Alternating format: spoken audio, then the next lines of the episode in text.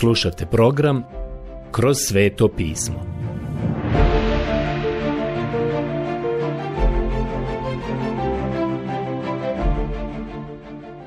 Knjiga Evanđelje po Ivanu. Odlomak Evanđelje po Ivanu, poglavlje 11, od 1. do 17. stiha. Sada smo došli do poglavlja u kojem se govori o uskrsnuću Lazara iz mrtvih. Vi ste me zapravo već čuli da govorim da smo došli do vrhunca. Sjetit ćete se da sam to spomenuo u prethodnom poglavlju. To je bio vrhunac do tog trenutka. Evanđelje po Ivanu za mene je poput penjanja na planinu i svako poglavlje nas dovodi malo visočije od prethodnog. U prethodnom poglavlju nešto drugo je bilo vrhunac do tada, ali još nismo bili na vrhu planine. I ne mislim da smo na vrhu planine ovdje u 11. poglavlju, ali došli smo do jedne visoke tačke.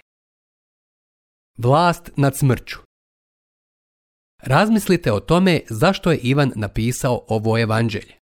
Možda bi bilo dobro da ponovno kažemo zašto je napisao ovo evanđelje. On sam je napisao i mnoga druga čudesa učini Isus pred svojim učenicima koja nisu napisana u ovoj knjizi a ova su zapisana da vjerujete da je Isus Mesija, Sin Boži, i da vjerujući imate život u njegovo ime. Samo da kažem da se to nalazi u 20. poglavlju u stihovima 30 i 31. I vraćamo se sada na sami početak ovog evanđelja, a počelo je riječima. U početku bijaše riječ, i riječ bijaše kod Boga, i Bog bijaše riječ. Evanđelje po Ivanu 1.1. I riječ je postala tijelom. Evanđelje po Ivanu 1.14. I kada je riječ postala tijelom, kada je on postao tijelo, vidjeli smo da je ovo velika teza podržana čudom, usporedbom i govorom. Sada, glavno pitanje koje se može postaviti jeste sljedeće. Može li Krist uskrsnuti mrtve? A to je veliko pitanje u svakoj religiji. Prijatelji, to je veliko pitanje u ovom životu ovdje. Danas govorimo o činjenici da je smrt velika misterija. I ovaj život je velika misterija. I ovaj život je praktički besmislen ako nema uskrsnuća mrtvih. A za nas kršćane to znači da smo najjadniji od svih ljudi. Pitanje koje biste trebali postaviti bilo kojoj religiji jeste da li ima vlast ili moć nad smrću. E sada, Liberalizam je davno izbacio sve ono što je čudesno. Mislim da oni koriste najnelogičniji argument. Bilo šta u svetom pismu što je čudesno ne pripada tamo. Ne zbog nekog naučnog razloga, već samo zato što ne vjeruju u čuda. Poput čovjeka koji jede ribu, a ne vjeruje u kosti. A kada dođe do kosti, on to ignoriše. Ne vjeruje da riba ima kosti. U nevolji zapravo mogao bi se čak i ugušiti. Tako je i sa čudima u svetom pismu. Ne možete ih izbaciti i ne možete se osloboditi tjelesnog uskrsnuća. Naravno, liberalni teolozi to objašnjavaju na mnogo načina. Postoji zamjensko učenje, sintetička doktrina i možete čuti da je formulišu na sljedeći način. Vjerujem u religiju onoga što je ovdje i sada ne u religiju koja se tiče onoga što je buduće. Ako je kolač u nebu, malo po malo mi na to ne pristajemo. Želimo religiju mesa i krompira. Želimo onu religiju koja je praktična, a ne teorijska. Želimo onu koja u sebi ima praksu, a ne doktrinu. Želite li saznati nešto? Takvu vrstu i ja želim, prijatelju moj, ali ja želim i nadu. Vidite, Dobijate puno dobrobiti upravo ovdje i sada, ali najveća dobrobit je vječni život u Kristu Isusu. Čini mi se veoma praktičnim postaviti pitanje. Hoće li mrtvi uskrsnuti? Život je tako kratak. Život je kratak dan. U usporedbi sa vječnošću to je ništa. Uzevši u obzir hiljade mladića, a nekada i dječaka čiji su životi ugašeni na raznim ratištima po svijetu, to je dobro pitanje. Hoće li mrtvi uskrsnuti? Govorio sam jednom na sahrani jednog vrlo divnog kršćanina, a tamo su sjedile njegova žena i majka. Mogu vam reći, smatrali su uskrsnuće veoma praktičnim. Kada izađete i stojite pored grobnog mjesta, ukoliko nemate nade, zviždite u mraku i pjevate na kiši. I sve je to poput nekog bluza.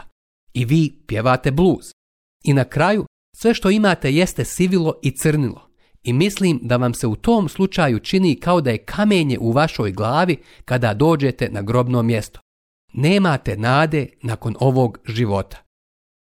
Brojni izmi, nauke i učenja iznose neke zapanjujuće tvrdnje, ali koliko ja znam samo su jedan ili dva od njih tvrdili da mogu uskrsnuti mrtve. Jedini problem je to što nikada nisu pokazali tijelo, korpus delikti, Uskrsnuće se odnosi na podizanje tijela. Kada je gospod Isus poslao svoje učenike, oni su trebali iscjeljivati bolesne, ali također su trebali i uskrsavati mrtve. Kada su iscjeljivali bolesne, to je bilo iscjeljivanje tijela, a kada su uskrsavali mrtve, to je opet bilo tijelo koje je podignuto. E sada, mnogi drugi su toliko obećavali, a poslije ništa. To je kao da bebi date zvečku da se igra dok je u ovom životu. Smijem li reći da me to podsjeća na putovanje avionom? Mnogi danas putuju avionom. Ljudi mi kažu da je teže sletjeti avionom nego poletjeti. Da zapravo i početnik može poletjeti, ali potreban je stručnjak za slijetanje aviona. A liberalizam i izmi me podsjećaju na polijetanje aviona sa pilotom koji te podiže u oblake i pružati malo uzbuđenja. Na kraju, kad ponestane benzina, mirno vas obavijesti da nikada nije sletio avionom. Zapravo, ne može ga spustiti na zemlju. Prijatelj, bila je to lijepa vožnja dok je trajala, ali znate da je veoma važno moći stići nazad na aerodrom. Ja bih ti postavio jedno pitanje. Da li ti danas letiš visoko? Jednog dana ćeš sletjeti. Imaš li nekoga ko te može vratiti nazad na zemlju, na aerodrom? To je veoma važno. Dakle, krajnji test je život poslije smrti. Lično smatram da sam ja tražio religiju. Želio bih znati šta ta religija ima za reći o ovome. I želio bih barem mali dokaz. Dakle, u evanđeljima postoje opisana tri slučaja kada je Krist podignuo nekog iz mrtvih. Zapravo i Petar i Pavle su podizali mrtve. A velika nada kršćanske vjere je uskrsnuće mrtvih. Od tri slučaja koja su opisana u evanđeljima, sva tri sinoptička evanđelja govore o djevojčici koja je uskrsnula iz mrtvih. Samo Luka govori o djevojčici i udovičinom sinu u Nainu, a samo Ivan u svome evanđelju nam daje izvještaj o Lazarevom uskrsnuću. Spojite li ovo troje zajedno, saznaćete da je gospod Isus podigao iz mrtvih djevojčicu, a ona je bila dijete. Zatim je uskrsnuo mladića, sina udovice iz Najna, a onda je uskrsnuo Lazara, a on je bio stariji čovjek. Mislim u zrelim godinama. I tako imate našeg gospoda koji podiže iz mrtvih ljude raznih dobnih skupina ali kada dođe do opšteg uskrsnuća, neće biti razdvajanja, generacijskog jaza i razlika. Neće biti toga da se djeca šalju u jedan odjel, mladi bračni parovi u drugi, da se stari ljudi stavljaju u domove za penzionere. Ne, svi će biti uskrsnuti zajedno. Ja bih rekao haleluja na to. Danas govorimo o podjelama. Danas postoji podjela na starosne grupe koja se praktikuje i ohrabruje i u crkvi, a ja mislim da je takvo dijeljenje skoro pa grešno. Ja sam sada propovjednik u penziji i ne znam zašto ja kao penzionisani propovjednik postajem stručnjak za sve ono što nisam ranije sam učinio. Isus podiže Lazara iz mrtvih. Počinjem sada čitati. Želio sam da imate ovaj uvod u ovo vrlo prekrasno poglavlje. Molim vas da sada obratite pažnju. Čitam evanđelje po Ivanu, 11. poglavlje, prvi stih. A bio je jedan bolesnik, Lazar iz Betanije, iz sela Marije i njezine sestre Marte. Evanđelje po Ivanu 11.1. Primjećujete da je to Marino selo. A kada uđemo u dom koji ćemo ubrzo posjetiti, to je bio Martin dom. Marta je vodila kuhinju i domaćinstvo ali grad je pripadao Mariji. To su različiti darovi. Neke žene dobiju prekrasan dar da se brinu o kući. Neki ljudi govore o pokretu za oslobođenje žene. Ne poznajem nikoga ko je veći šef od žene i njezine majke u domu. Ona ima punu odgovornost za kuhinju i ostatak kuće. Ona te izgura iz kuhinje, tjera te da izađeš iz ostave i kaže ti da izađeš van. Ona će usisati tepih i namjestiti krevet. Ona se želi pobrinuti za to. Mogu vam reći da neke žene imaju taj poziv, neke kršćanke. A postoje i druge žene koje imaju službu koja je na polju. One predaju, poučavaju, održavaju biblijske kurseve, evangeliziraju djecu, rade u crkvi. Prijatelji, samo zato što vaša komšinica ne radi u crkvi, ne znači da ne služi gospodu. A i to što te žene koje više rade vani nego što rade kod kuće, to ne znači da one ni na koji način ne služe gospodu. I tako je to Marino selo, ali je dom zapravo bio Martin. Molim vas da sada zapazite sljedeće. A Marija, kojoj je brat Lazar bolovao, bila je ona što pomaza gospodina mirisavim uljem i obrisa njegove noge svojom kosom. Evanđelje po Ivanu 11.2 Drugim riječima, Ivan nam ovo govori da bi nam predstavio ovaj dom. Malo kasnije ćemo i sami posjetiti taj dom. To je prekrasan dom koji ćemo posjetiti. Sada, molim vas, obratite pažnju na sljedeći stih. Tada mu poručiše njegove sestre.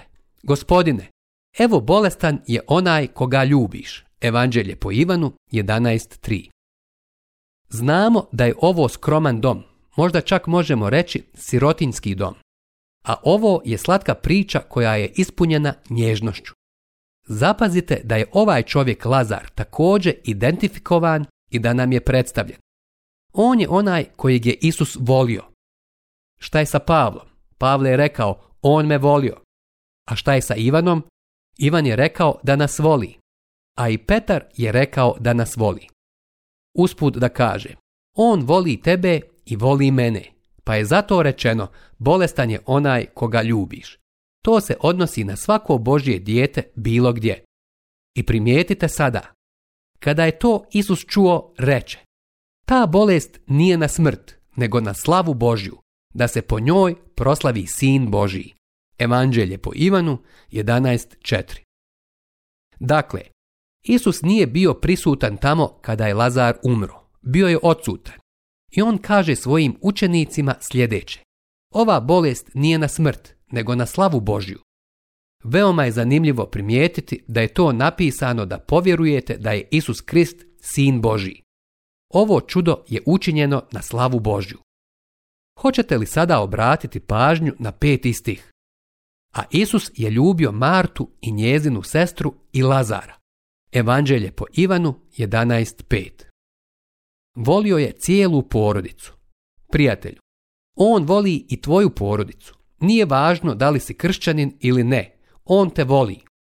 Ne možete ga spriječiti da vas voli, ali sigurno možete postaviti kišobran da spriječite Božju ljubav da uđe u vaš život.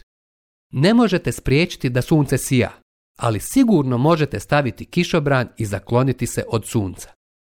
Molim vas da sada obratite pažnju na šesti stih koji ću pročitati. Kada je dakle čuo da je bolestan, ostade još dva dana u mjestu gdje je bio. Evanđelje po Ivanu 11.6. Isus je to učinio sa svrhom i namjerom. On ponekad dopusti da neko od njegovih umre. Kada neko njegov umre, on ga zapravo samo zove kući. To je sve. Samo kaže, dođi sada kući i Lazar je umro. Ali ovo je sve sa svrhom.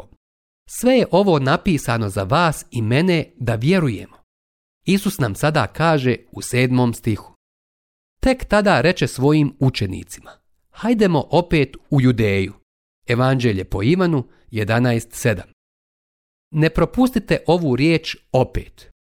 Bio je tamo ranije, ali morao se povući zbog protivljenja. Sada se vratio. I hoćete li sada primijetiti sljedeće? Učenici mu odvratiše. Učitelju, sad su židovi tražili da te kamenuju, pa opet putuješ onamo. I opet ide. Isus odvrati.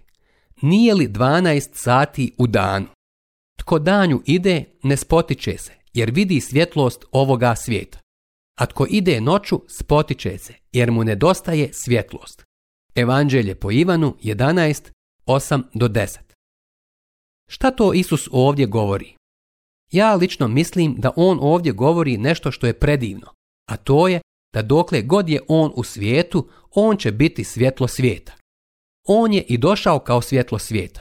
I ako treba biti bez svjetla u Betaniji u vrijeme smrti, Isus mora biti tamo. Stoga je rekao da je to razlog zašto ide opet u Betanju. Rekao je, dok sam na svijetu, svjetlo sam svijeta. Sada je dan, ali dolazi noć kada niko ne može raditi. To je sjajna izjava koju Isus daje ovdje. Dalje on kaže, ali ako čovjek hoda noću, spotiče se jer u njemu nema svjetla. On ne želi da te sestre budu bez nade i bez pomoći, pa on ide k njima. Čitamo sada 11. stih. Tako reče, onda nastavi. Lazar, naš prijatelj, spava, ali idem probuditi ga od sna. Evanđelje po Ivanu 11.11. 11.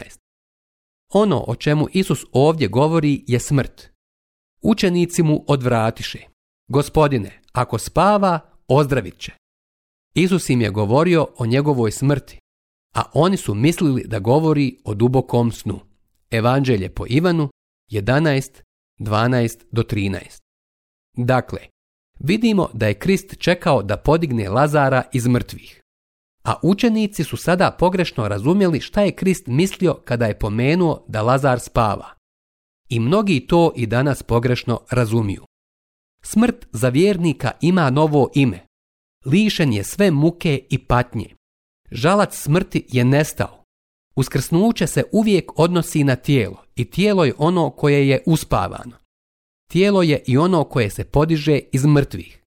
A smrt za vjernika je spavanje što se tiče tijela, ali spavanje se nikada ne odnosi na dušu ili duh čovjeka. Dakle, ne postoji takva stvar kao što je spavanje duše. Tijelo je to koje umire i tijelo je to koje će biti podignuto iz mrtvih. Vidite, riječ za uskrsnuće je anastazis, to znači ustati. C.S. Lewis, briljantni oksfordski učenjak, jednom prilikom je ismijao jednog liberalnog teologa i tada je rekao kada duh ustane iz mrtvih, u koju će poziciju doći. Uskrsnuće znači ustati i uvijek se odnosi na tijelo. Duša nikada ne umire, dakle, duša nikada ne spava. Smrt je stvarnost i ona je užasna stvarnost. Smrt je za tijelo. Smrt znači odvajanje i znači da tijelo vjernika ide u grob. I tijelo ide da spava jer će jednog dana ustati ali vjernik ide da bude s Kristom, odvojen od tijela, ali prisutan kod gospoda. Uskrsnuće je stvarnost. Budizam govori o uskrsnuću duše. Neki od današnjih izama govore o tome. Prijatelju, bez obzira jesi li spašen ili si izgubljen, ti ideš u vječnost. Mnogi bi danas htjeli vjerovati da je smrt nestajanje. Jedan čovjek ovdje u Pasadeni mi je rekao sljedeće. Znaš kada umreš, ti si kao pas. Rekao sam, zar ti želiš da je to istina? Ali još sam rekao, ako to nije istina, a mislim da ti to malo smeta, onda si u nevolji, zar ne? Pa, rekao je, nećemo o tome. Prijatelji, takvi ljudi ne žele razgovarati o tome, jer je to grozna stvarnost. Molim vas da sada zapazite da naš gospod veoma jasno govori šta je mislio kada je rekao da Lazar spava. Isus im je govorio o njegovoj smrti, a oni su mislili da govori o dubokom snu. Tada im Isus kaza otvoreno, Lazar je umro. Evanđelje po Ivanu 11.13 do 14. To je užasna i surova stvarnost koja se dešava u životu i u današnjem životu. Veoma je zanimljivo prisjetiti se velike tuge arapskog svijeta kada je Naser umro. Oni su tada govorili, Naser je mrtav, Gamal, Gamal, što ćemo sada? I tako vodstvo nije imalo da ponudi nadu ljudima, pa su rekli sljedeće. Ne tugujte za Naserom, on je mrtav. I vjerujte mi, bio je mrtav. Ali njegove ideje i teorije još uvijek žive i živjeće. Kakva nada? To i nije neka nada, zar ne? Ali to je bila jedina nada koju su imali. Moja supruga i ja smo bili u Vičiti u Kanzasu na jednoj biblijskoj konferenciji i tamo smo ocijeli u vrlo velikom i vrlo finom motelu. U to vrijeme tog petka je jedan futbalski tim imao let avionom i onda je tog poslijepodneva stigla vijest da je jedan od aviona pao na zemlju, a u njemu su bili igrači iz prve postave tima i njihov trener. I svi su poginuli. Bilo je zanimljivo šta smo tada vidjeli. U motelskom baru imaju ono što zovu happy hour. Tako su to zvali, happy hour. Kada smo podne htjeli da se pripremimo za večernju službu, čuli bismo buku koja je dopirala iz tog bara, sa tog mjesta, happy hour. Te večeri sam mislio da smo u mrtvačnici kada smo ušli tamo. A onda, kada smo otišli u restoran da jedemo, mogli smo čuti razgovore. Tragedija. Da, bila je to tragedija. Ali prijatelji, nema nade. Lazar je mrtav. Jednog dana te iste riječi će vam vjerovatno neko donijeti i javiti o voljenoj osobi. Što je s vašom nadom? Šta je sa vašim odnosom prema Bogu danas? Imate li uopšte nade? Isus ovdje kaže I radujem se zbog vas što nisam bio ondje, da vjerujete, nego pođimo k njemu. Onda Toma, koji se zove Blizanac, reče su učenicima. Hajdemo i mi da umremo s njim. Evanđelje po Ivanu 17, do 16. Toma je mračan, zar ne? Misli da će i on umrijeti. Ali hvala Bogu, bio je spreman za to. Mislim da je veoma sličan Šimunu Petru. Šimun Petar se odrekao gospoda, a mislim da bi ga se i Toma odrekao. Ne mislim da je njegova ljudska priroda išta bolja od prirode Šimuna Petra, a ni naša nije ništa bolja. I mi bismo se odrekli Isusa. Danas možete čuti za neuspjeh kršćana. Neki dan sam čuo da je jedan propovjednik odustao od propovjedaonice i rekao je Ja sam okorio, okorio sam. Kako je tragično vidjeti ljude kako padaju, crkve kako propadaju, otpadaju od vjere. Nekada su nešto zastupali, ali više ne. Danas ću završiti ovdje nastavit ćemo drugi put i tada ćemo vidjeti da gospod Isus i njegovi učenici idu u Betaniju. A u Betaniji će se dogoditi nešto prekrasno.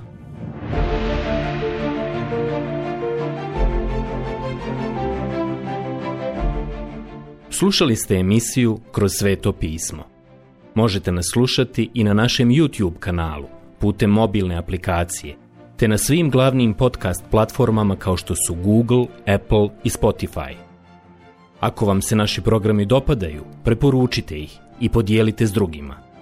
Budite slobodni da ostavite svoj komentar ili nam pišite na našu e-mail adresu kroz svetopismo.bih at gmail.com Zapratite našu stranicu kroz sveto pismo BiH na Facebooku i na Instagramu Emisije iz ove serije možete pronaći na našoj stranici ttb.twr.org.